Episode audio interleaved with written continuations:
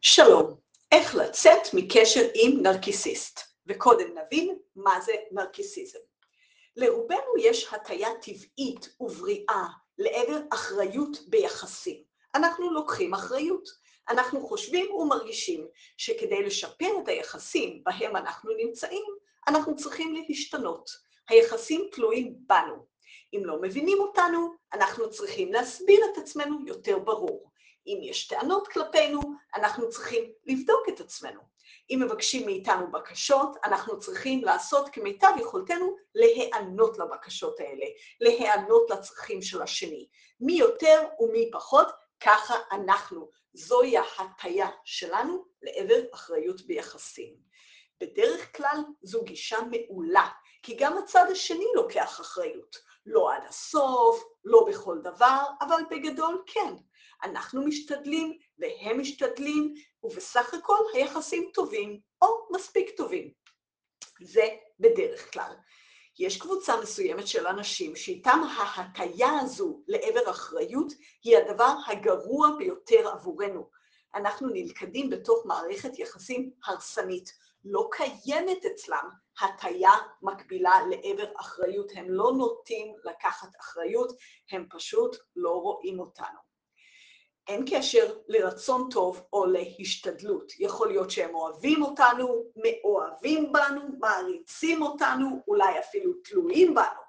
הם רוצים קשר טוב איתנו, אפילו רוצים להיטיב איתנו. הם פשוט לא יודעים איך לקחת אחריות ביחסים, לא יודעים איך לראות אותנו ובגדול, לא יודעים להיות בקשר טוב. פגיעות עמוקות בילדות גורמות לחוסר היכולת הזו. נרקיסיזם זו הפרעת אישיות, וזה יוצר סוג של התנהגות. מה זה נרקיסיזם?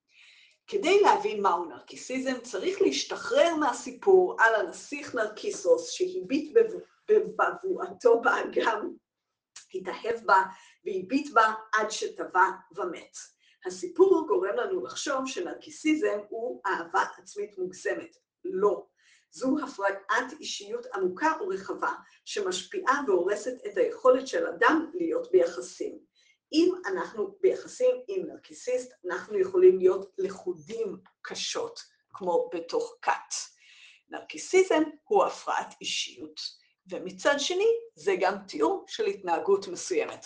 אז כדי לאבחן הפרעת אישיות נדרש אה, פסיכיאטר, וזה לא דבר פשוט, אבל כדי לאבחן התנהגות נרקיסיסטית, למעשה כל אחד יכול לאבחן התנהגות כזו. אז נדבר על הפרעת האישיות שנקראת נרקיסיזם, יש כל מיני הגדרות, וההגדרה הבאה מבוססת על הגדרה מעודכנת של הפסיכיאטריה האמריקאית היום. נרקיסיסט סובל מלפחות שניים מתוך ארבעת הקשיים הבאים. אחד, תנודות בהערכה עצמית, שמבוססת על השוואה לאחרים. לעומתם, אני תותח או שאני אפס. נוצרות תנודות במצב הרוח. שתיים, עיסוק בהשגת הערכה מאחרים יותר מאשר חיפוש עניין אמיתי. שלוש, יכולת אמפתיה נמוכה, רגישות לתגובות של אחרים רק במידה שהן רלוונטיות אליי. וארבע, היעדר אינטימיות, יצירת יחסים שטחיים וחוסר עניין אמיתי באחרים. כלומר, אנחנו צריכים לפחות שניים מתוך הארבעה, תנודות בהערכה עצמית, עיסוק בהשגת הערכה מאחרים, יכולת אמפתיה נמוכה והיעדר אינטימיות, וגם נרקיסיסט יתקשה בשני הבאים. אחד זה גרנדיוזיות, תחושת זכאות, באנגלית entitlement, והתנשאות מעל אחרים, ושתיים, חיפוש תשומת לב ואישור. זה יכול להתבטא הפוך בחרדה חברתית קיצונית. אז זה מה זה נרקיסיזם. מה קורה למי שבקשר עם נרקיסיסט? לרוע המזל לוקח זמן להבחין בנרקיסיזם. אדם עם הפרעת אישיות נרקיסיסטית או עם התנהגות נרקיסיסטית הוא הרבה פעמים רב קסם, מוכשר, חכם מאוד, הוא מושך. הוא בונה את עצמו כדי למשוך. זו לא בהכרח רמאות גלויה, אם כי ייתכן, הרבה פעמים הנרקיסיס לא יודע שהוא מרמה, הוא לא יודע שאין לו אמפתיה, שהוא לא באמת רואה את האחר, שהוא לא יכול ליצור קשר עמוק ושהוא הולך להוציא את השני מדעתו, הוא לא מודע לזה. זה מה שנרקיסיזם עושה, נרקיסיזם מוציא את האדם השני מדעתו עד כדי כך.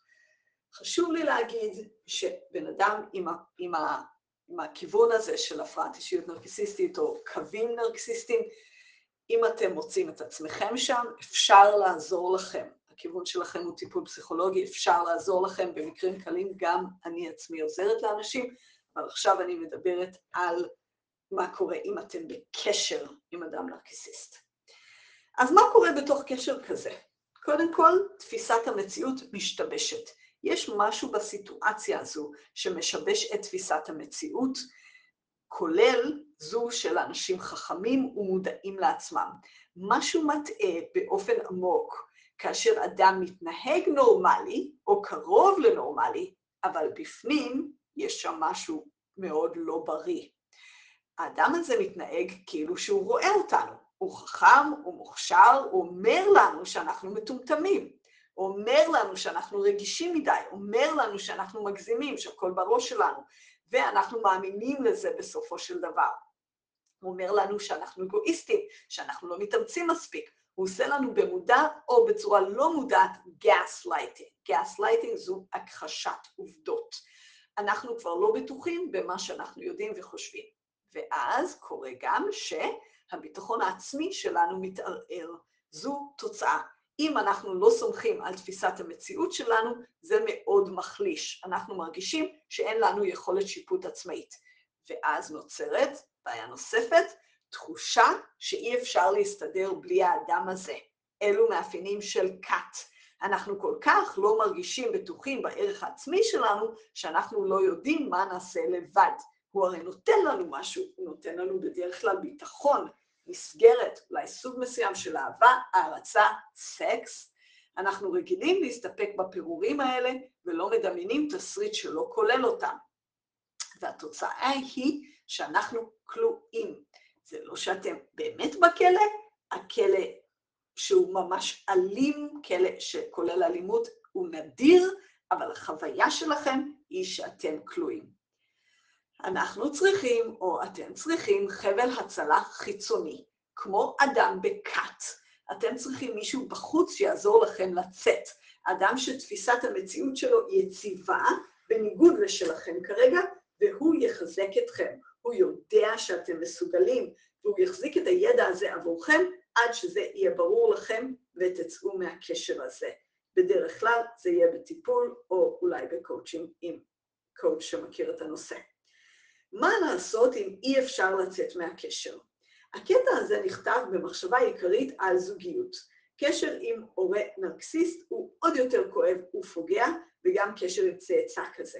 כך או כך, יש קשרים שמהם לא נוכל לצאת, או לא נוכל לצאת כרגע, אז מה עושים? יש פה שלושה כיוונים עיקריים. אחד, קודם כל מבינים מה זה נרקיסיזם, מאוד מאוד חשוב. קוראים ולומדים את הנושא, ידע הוא כוח, והתחום הזה הוא אחד התחומים שידע מאוד מאוד עוזר לכם. שתיים, מתחילים להבין מה מתוך הקשר שלכם קשור לנרקיסיזם ונובע ממנו. זה לא אתם, אלא זה מתוך הנרקיסיזם, וזה מפחית את תחושת האשמה. ושלוש, מתחילים להוריד את רמת הדרמה ביחסים, להתרחק רגשית. נרקיסיסט אוהב דרמה, הוא מחפש ליצור אותה בכל הזדמנות. לא, עבורו זה מספק משהו עמוק, ואתכם זה הורס. התפקיד שלכם הוא לפעול להפחתת הדרמה כדי לשמור על עצמכם. לקוחה הפנתה אותי לקרוא על הנושא הזה, וצירפתי במאמר לינק למאמר גאוני שמדבר על אסטרטגיה בשם שיטת האבן האפורה. אתם צריכים להיות משעממים ונטולי רגשות ודרמה, כמו אבן אפורה, כדי שזה יהיה מאוד משעמם לעשות דרמה איתכם. מי שמכיר אותי יודע שההמלצה הזו על ריחוק רגשי היא לא אופיינית עבורי, זה לא הכיוון שאני בדרך כלל ממליצה עליו ביחסים, או בוחרת בו ביחסים.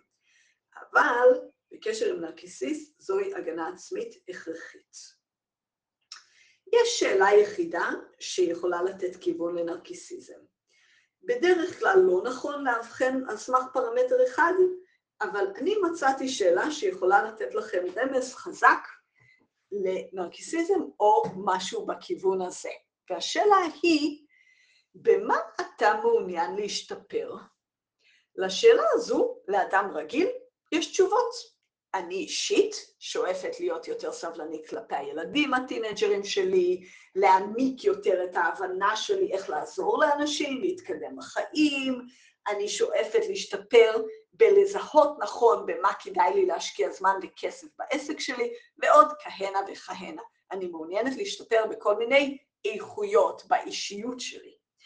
אתם אולי שואפים להתפתחויות אחרות, אבל אתם שואפים להתפתח, אני מאמינה, אם אתם קוראים את המאמר הזה או מקשיבים.